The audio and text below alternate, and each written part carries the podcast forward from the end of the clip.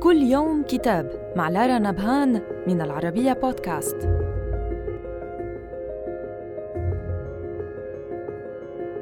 نتناول اليوم كتاب سياسة الإذلال مجالات القوة والعجز للمؤرخة الألمانية أوتي فريفرت ومن ترجمة هبة شريف.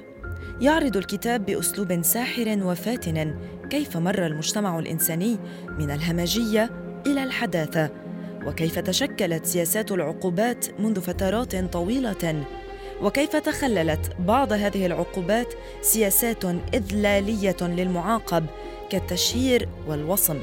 ينتمي الكتاب لنوعية الكتب التي تؤرخ للمجتمعات الإنسانية بطرق غير تقليدية لأن المؤلفه لم تستعرض فقط سياسات الإذلال التي تعرض لها المعاقبون في ألمانيا وحدها بل استعرضت اولا طرق العقاب العلانية في مختلف البلدان وفضح خصومهم لهم حتى لو كانت الخصومه على دين. والقارئ يكتشف أن العصر الحديث أيضا كان يشهد ممارسات اذلال ومن ذلك ما فعله أحد الآباء لابنته في الولايات المتحدة الأمريكية لأنها خالفت أمره وعصته. فلجأ الأب لقص شعر الفتاة وبث مقطع فيديو لها بعد قص شعرها فانتحرت الابنة.